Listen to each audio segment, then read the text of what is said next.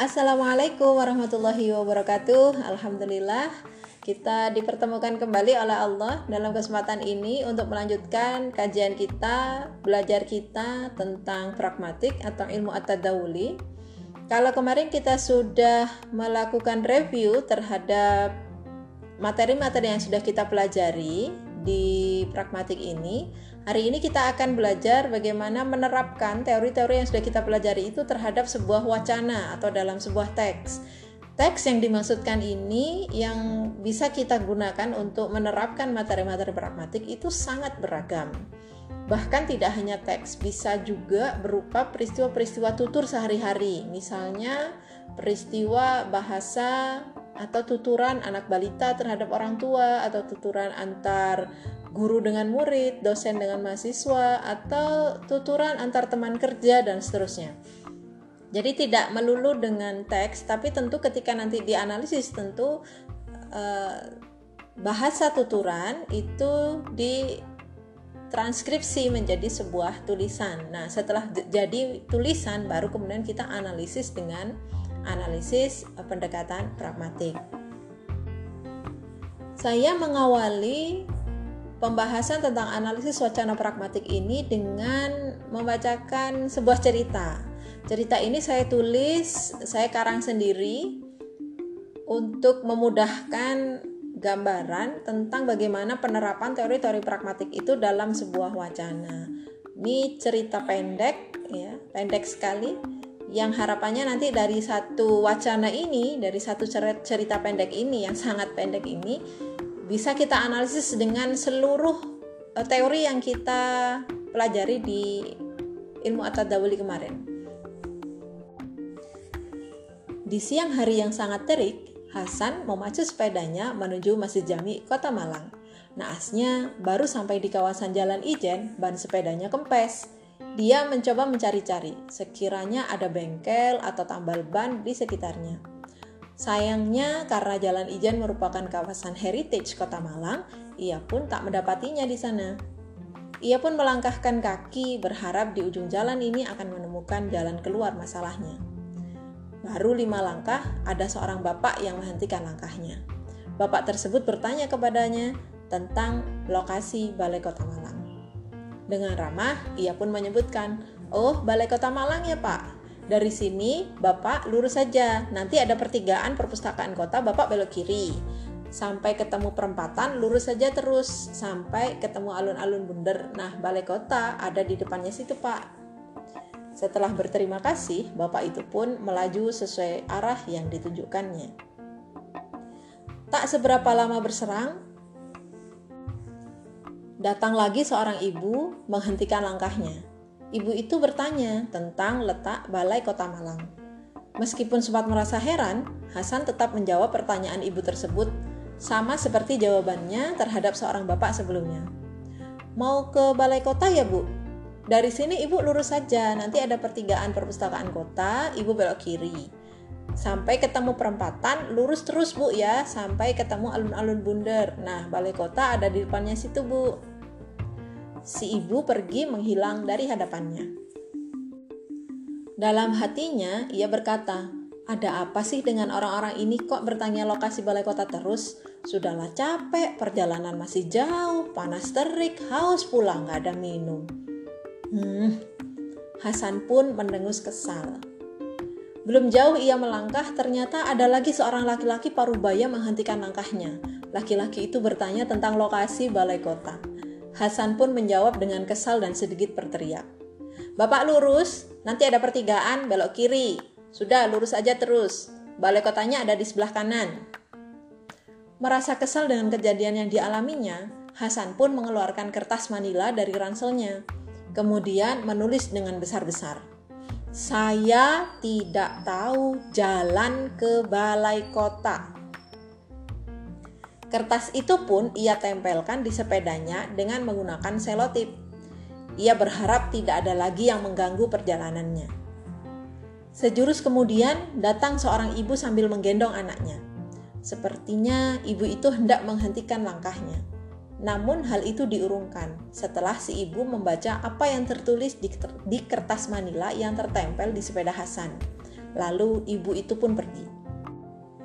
Hasan tersenyum sumringah. Akhirnya tidak ada lagi yang akan mengganggu dia. Namun ternyata perkiraannya salah. Ada seorang anak muda yang seusia dengannya memanggil dan menghentikan langkahnya. Hasan pun menghardik. Ada apa sih? Kan sudah saya tulis besar-besar di sini. Saya tidak tahu jalan ke balai kota. Dan pemuda itu pun menyahut, "Iya, Mas. Saya tahu Mas tidak tahu jalan ke balai kota. Saya sudah baca tulisan itu. Maka dari itu, mari saya tunjukkan lokasinya. Merasa terjadi kesalahpahaman, Hasan pun terkekeh. Dan pemuda tadi pun berkata, "Eh, kamu Hasan ya?" Sambil memicingkan mata, Hasan mencoba mengingat. "Iya." "Eh, Jamil." Mereka pun tertawa bersama dan bersalaman. Rupanya mereka adalah kawan lama di sekolah menengah pertama, terpisah enam tahun sejak lulus SMP. Ternyata mereka sama-sama kuliah di kota Malang. Kamu mau ke mana? Tanya Jamil. Hasan pun menjawab, ini tadi kan aku lagi OTW, ternyata banku kempes, jadinya aku jalan sambil menuntun sepeda.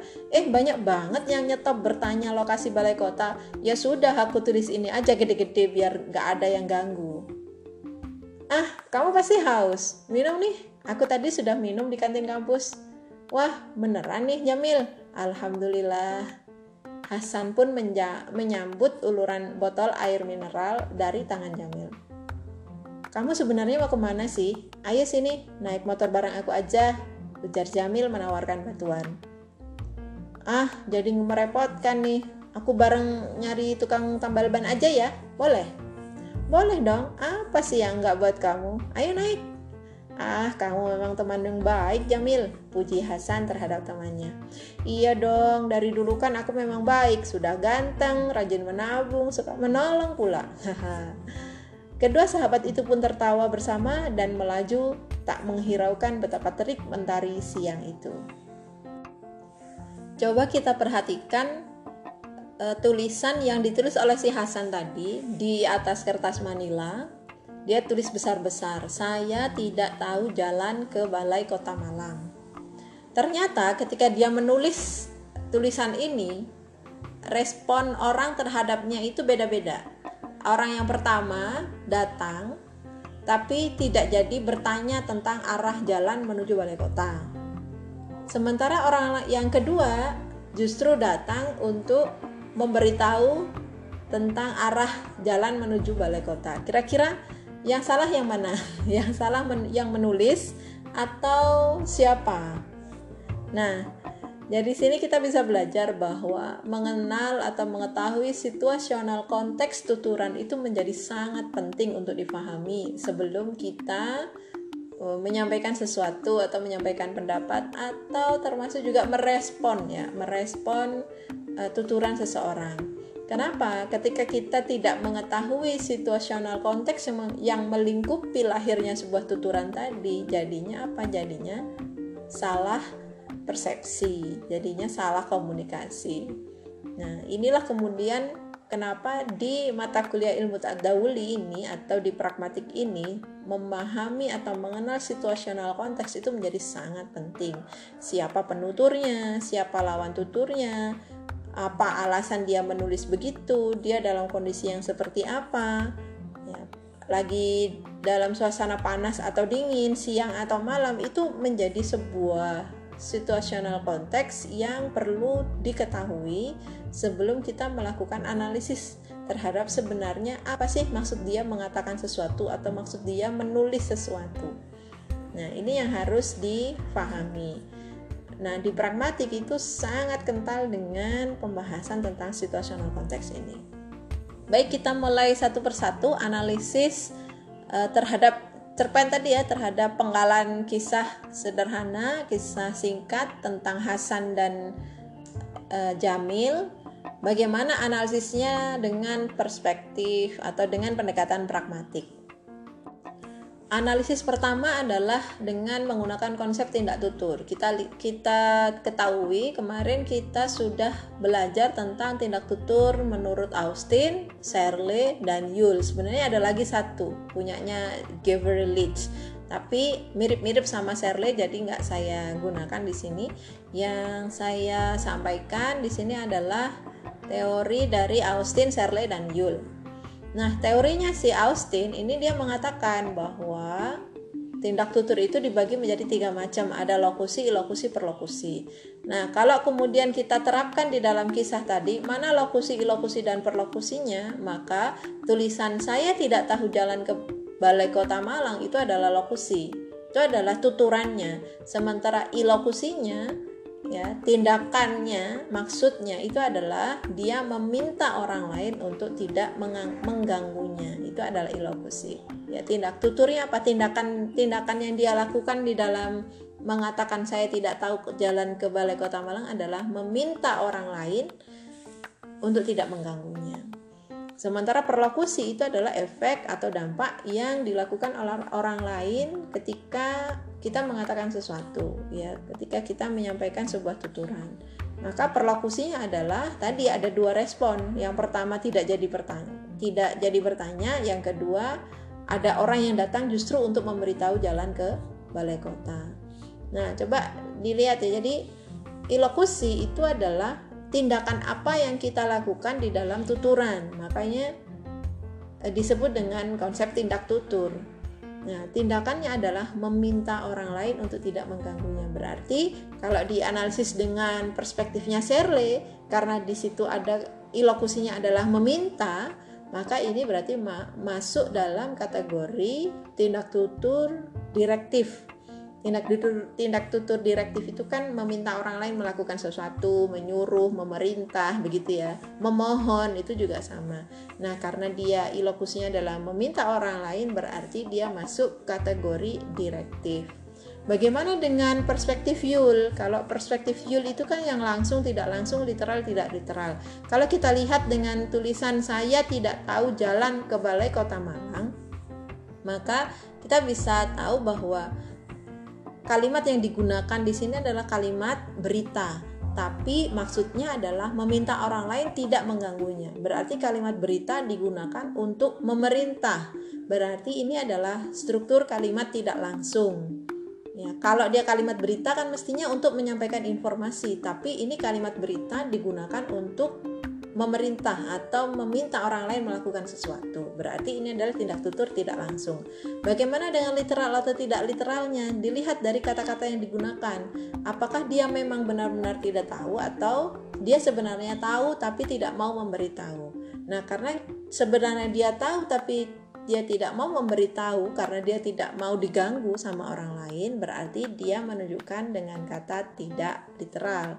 Ya, kenapa? Karena mestinya dia kan tahu tentang jalan ke balai kota, tapi dia menyebutkan saya tidak tahu. Berarti ini non literal atau tidak literal. Jadi kalau dianalisis menggunakan konsep tindak tutur, tuturan saya tidak tahu jalan ke ke balai kota Malang itu masuk jenis ya lokusi, ilokusinya adalah masuk kategori direktif dan Tindak tuturnya itu adalah tindak tutur tidak langsung, tidak literal. Berikutnya coba kita analisis menggunakan analisis presuposisi. Dari kata atau dari tuturan, saya tidak tahu jalan ke Balai Kota Malang, ada presuposisi apa di sana? Ternyata kita bisa memahami ada presuposisi faktif dan eksistensial. Kota pemer kantor pemerintahan Kota Malang disebut Balai Kota. Ini kan fakta. Ya, balai kota itu apa sih kan ada sebutan balai kota. Maka orang itu punya persepsi tentang balai kota. Balai kota itu apa? Balai kota itu adalah kantor pemerintahan Kota Malang, yaitu disebut dengan balai kota. Nah, kemudian eksistensialnya apa? Eksistensialnya adalah Malang, Kota Malang itu memiliki kantor balai kota gitu ya. Jadi ada balai kota itu berarti masuk ke faktif sementara kota Malang memiliki kantor pemerintahan yang disebut dengan balai kota itu adalah presuposisi eksistensial. Selanjutnya analisis deiksis. Coba dilihat di kalimat saya tidak tahu jalan ke balai kota Malang. Ada kata saya di sana. Maka ini adalah masuk ke deiksis persona Deksis persona saya ini merupakan orang pertama tunggal merujuk pada penutur yang punya sepeda kempes tadi. Siapa namanya? Namanya adalah Hasan. Jadi deksis persona pertama tunggal ya menunjuk pada penutur pemilik sepeda yaitu Hasan. Nah, dia menggunakan kata saya, tidak menggunakan kata aku atau tidak menggunakan kata beta atau tidak menggunakan kata ana misalnya, tapi dia justru menggunakan kata saya, berarti dia ada jarak antara penutur dengan mitra tutur. Ya, dia memberikan jarak, artinya dia tidak saling kenal atau ya memang ada jarak. Misalnya tuturan antara dosen dengan mahasiswa atau mahasiswa ke dosen kan menggunakan kata saya, tidak menggunakan kata aku. Kalau menggunakan kata aku itu kan lebih uh, dekat gitu ya, ada hubungan yang lebih Eh, jauh atau hubungannya lebih dekat antara antar satu penutur dengan mitra tutur yang lainnya. Sementara karena Hasan ini sedang berbicara kepada orang yang lalu lalang lewat di jalan Ijen yang dia juga tidak kenal orang itu siapa saja, maka dia menggunakan kata saya. Nah, saya ini digunakan oleh Hasan karena ada jarak tadi antara penutur dengan mitra tutur yang tidak saling kenal. Selanjutnya analisis prinsip kerjasama. Kita ingat prinsip kerjasama kemarin ada empat maksim ya, ada maksim kualitas, kuantitas, relevansi, dan maksim cara. Bagaimana penerapannya di dalam uh, wacana tadi ya tentang sebuah cerita pendek tentang Hasan dan Jamil. Ternyata kita bisa melihat di dalam penerapan penerapan prinsip kerjasama itu ada contoh uh, fragmen dialog ya. Eh Hasan ya, iya eh Jamil. Nah, itu berarti ada penerapan prinsip kerjasama. Prinsip kerjasamanya ini maksim apa saja? Ternyata empat maksim itu terpenuhi di dalam dialog ini. Yang pertama maksim kualitas. Berarti penutur itu mengatakan hal yang benar. Ya, mereka tidak berdusta, mereka tidak berbohong. Ya, berarti dia menerapkan prinsip kerjasama, yaitu maksim kualitas. Yang kedua, maksim kuantitas maksim kuantitasnya itu dia cukup tidak kurang tidak lebih ya. kemudian yang ketiga maksim relevansi ya, saling menyebut nama teman yang lama tidak bertemu jadi tidak tidak kemudian menjawab eh Hasan ya eh, kamu siapa ya kok kayak nggak kenal misalnya. Nah, jadi kalau begitu kan berarti dia tidak bekerja sama, tidak menerapkan prinsip kerjasama dengan lawan tuturnya atau mitra tuturnya. Tapi uh, Hasan dan Jamil ini menerapkan prinsip kerjasama di dalam sapaannya tadi. Dan yang keempat adalah maksim cara. Uh, maksim cara itu pas, jelas, tidak samar, tidak ambigu. Di apa yang disampaikan itu mudah difahami. Selain penerapan prinsip kerjasama, apakah di dalam cerpen tadi, cerita yang sangat pendek tadi itu ada pelanggaran terhadap prinsip kerjasama? Oh iya ada. Ya contohnya di mana? Contohnya dari pertanyaan si Jamil kepada Hasan. Ya kamu mau ke mana? Kemudian Hasannya menjawab, ini tadi kan aku lagi OTW, ternyata banku kempes, jadinya aku jalan sambil menuntun sepeda dan seterusnya. Nah, ini melanggar maksim apa? Yang pertama, melanggar maksim relevansi tidak relevan antara pertanyaan dengan jawaban. Coba kita perhatikan, pertanyaan dari si Jamil ini adalah menanyakan tentang tempat. Kamu mau ke mana? Menuju ke mana? Gitu. Ternyata si Hasan jawabnya adalah peristiwa yang dia alami beberapa waktu ke belakang itu sambil curhat gitu ya ini tadi aku lagi OTW gini gini gini gini gini gini gitu padahal pertanyaannya apa pertanyaannya mau ke mana ternyata jawabannya panjang Ya, itu juga melanggar maksim kuantitas. Jawaban yang diberikan terlalu panjang. Mau ditanya mau ke mana, jawabannya panjang gitu. Men menyampaikan tentang proses uh, kenapa dia sampai panas-panasan gitu ya menuntun sepeda dan seterusnya. Kemudian dia juga melanggar maksim cara.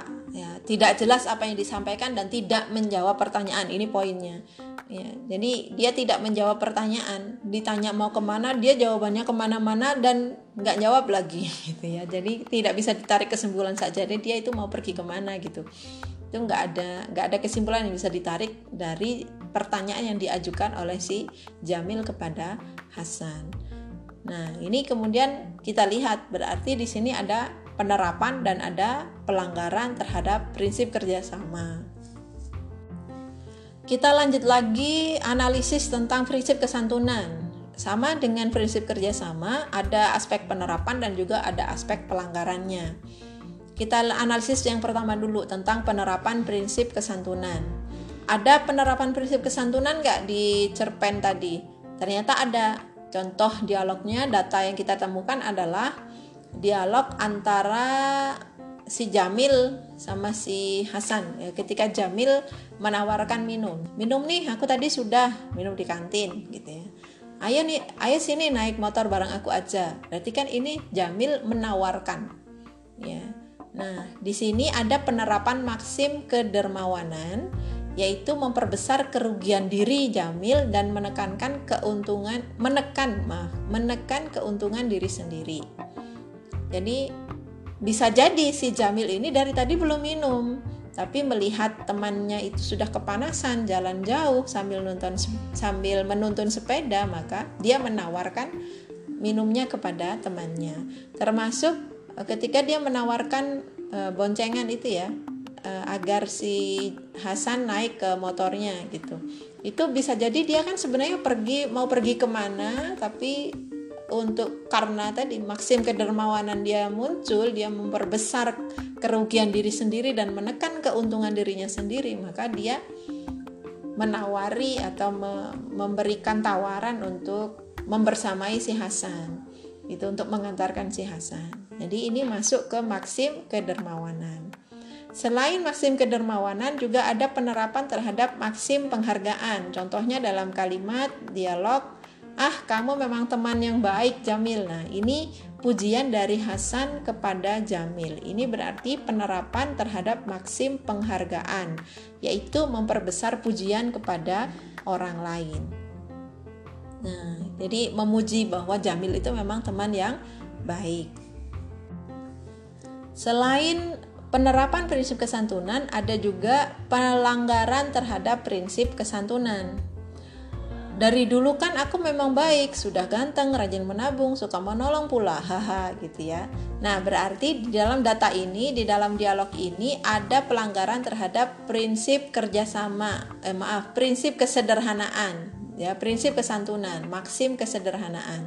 Mestinya di dalam maksim kesederhanaan itu kan kita tidak boleh memuji diri sendiri, ya, tapi uh, harus menekankan ya, menekankan maksim kesederhanaan ah ini semua bukan karena saya kok ini semua karena izin Allah misalnya jadi menolak atau menghindari pujian pada diri sendiri tapi justru di kalimat ini si Jamil malah memperbesar pujian pada diri sendiri dengan maksud untuk bercanda dan menjalin keakraban dengan Hasan. Nah, ini berarti terjadi pelanggaran terhadap maksim kesederhanaan. Terakhir, bagaimana analisis implikatur? Ya, implikatur kemarin apa? Implikatur itu adalah makna tuturan atau maksud yang dituturkan oleh seorang penutur kepada mitra tutur. Berbeda dengan tindak tutur, kalau tindak tutur itu tindakan di dalam sebuah tuturan. Kalau implikatur itu adalah maksud tuturan itu sendiri. Jadi apa maksud dari ditulisnya kalimat saya tidak tahu jalan ke Balai Kota Malang oleh Hasan di kertas manila yang dia tempelkan di sepedanya maksudnya adalah jangan ganggu saya. Itu ya. Jadi ini adalah analisis implikatur ya. Bukan bukan implikaturnya ini bukan tunjukkan saya jalan ke Balai Kota Malang bukan begitu. Tapi implikaturnya adalah jangan ganggu saya. Kenapa begitu? Karena analisisnya dia sebelum sebelum menuliskan ini dia merasa kesal dengan beberapa orang yang menghentikan langkahnya kemudian bertanya tentang arah menuju lokasi yang sama pertanyaan yang berulang-ulang diajukan kepada dia ini yang kemudian membuat dia kesal akhirnya dan membuat dia tidak ingin diganggu lagi dan dia menuliskan ini. Sehingga maksud atau implikator dari tulisan saya tidak tahu jalan ke balai kota Malang adalah jangan ganggu saya ya tidak boleh difahami saya tidak tahu jalan ke Balai Kota Malang ini implikaturnya adalah tunjukkan saya jalan ke Balai Kota Malang. Tidak boleh begitu. Kenapa? Karena situasional konteksnya tidak mendukung untuk itu. Meskipun sebenarnya bisa saja seperti kesalahpahaman yang dialami oleh si Jamil. Justru dia menghentikan langkahnya itu justru untuk memberitahu jalan ke Balai Kota Malang gitu. Padahal implikaturnya itu adalah jangan ganggu saya Demikian tadi contoh analisis wacana pragmatik yang bisa kita gunakan sebagai pijakan kita untuk melakukan praktek terhadap analisis wacana yang lain. Bisa cerpen, bisa berita, bisa pidato, bisa berbagai macam analisis itu bisa berbagai macam wacana bisa kita lakukan analisis dengan pendekatan pragmatik. Ini tadi adalah contoh operasional penggunaan bagaimana teori-teori dalam pragmatik itu bisa kita gunakan untuk menganalisis dialog-dialog yang ada di dalam sebuah wacana. Nah, berikutnya nanti untuk kepentingan entah membuat artikel untuk dikirim ke jurnal ilmiah ataukah digunakan untuk menulis skripsi dan lain-lain, antum bisa fokus memilih satu objek tertentu, entah itu cerpen, novel, film dan lain-lain. Kemudian tentukan pisau analisis yang digunakan apa, satu saja jangan banyak-banyak. Bisa tentang prinsip kerjasamanya saja, atau prinsip kesantunan saja atau implikator saja, tindak tutur saja. Tindak tutur pun dengan berbagai macam ragam yang ada, pilih satu saja, gunakan untuk menganalisis objek tersebut. Pasti kemudian kita menemukan banyak e, data nanti di sana karena objek yang kita teliti itu kan tidak sependek seperti yang saya contohkan di uh, pertemuan kali ini. Demikian tadi penjelasan tentang analisis wacana pragmatik yang bisa saya sampaikan. Jika masih ada yang perlu ditanyakan atau ada yang kurang jelas, boleh bertanya di kelas. Ya, kita lanjutkan diskusinya dan mulai sekarang antum bisa coba mengincar ya salah satu objek. Boleh yang berbahasa Indonesia dulu juga boleh atau mau langsung praktek ya ke yang objek berbahasa Arab untuk latihan skripsi misalnya, itu juga boleh. Ya, kira-kira mau ngambil cerpennya siapa? Atau mengambil novelnya siapa untuk kemudian dilakukan analisis dengan analisis pragmatik ya dengan teori-teori yang sudah kita pelajari kemarin. Jazakumullah khairan katsira atas perhatian dan kesempatan yang diberikan. Semoga sedikit yang saya sampaikan ini bisa difahami, bisa bermanfaat dan afu binkum. Wassalamualaikum warahmatullahi wabarakatuh.